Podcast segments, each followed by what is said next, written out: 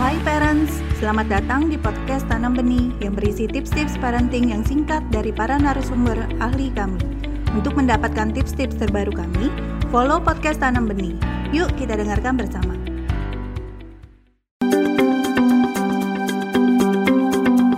Bagaimana cara mengontrol penggunaan gadget pada anak-anak khususnya pada anak usia SD? Ya, jadi kita nggak mungkin bisa menghindari efek penggunaan gadget pada anak, tapi kita sebagai orang tua bisa pegang kuncinya, yaitu kita yang bisa menerapkan disiplin pada anak dalam penggunaan gadget.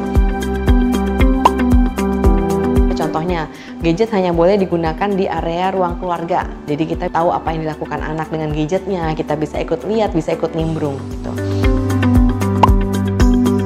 Anak-anak usia SD paling maksimal diberikan gadget itu 2 jam, totally dalam waktu satu hari. Waktu gadget tidak boleh mengganggu waktu tidur anak atau istirahat anak.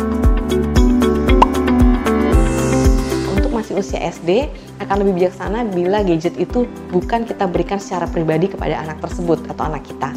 Tapi kita katakan bahwa ini punya papa atau ini punya mama, kamu hanya boleh untuk meminjamnya namanya pinjam berarti kan sewaktu-waktu kita bisa memang mengambilnya gitu kan. Dan kita juga yang tetap memegang kunci pada si gadget ini. Seperti itu. Kadang ada orang tua yang anaknya pakai password sehingga kita orang tua nggak tahu gimana cara bukanya. Nah itu jangan. Jadi untuk anak usia SD tidak boleh menggunakan password. Sudah selesai makan, sudah selesai mandi, sudah selesai bikin PR, sudah selesai belajar gitu ya, baru dia boleh pegang gadgetnya. Dan kemudian untuk orang tua yang bekerja misalnya, jadi kita boleh kok menitipkan gadget ini misalnya kepada omanya atau kepada pengasuhnya untuk digunakan tapi dengan parental control. Ya, contohnya hanya bisa membuka YouTube for Kids atau misalnya kunci-kunciin aplikasi-aplikasi yang memang tidak diperlukan oleh anak. Kemudian kita juga bisa lihat historinya dan sebagainya.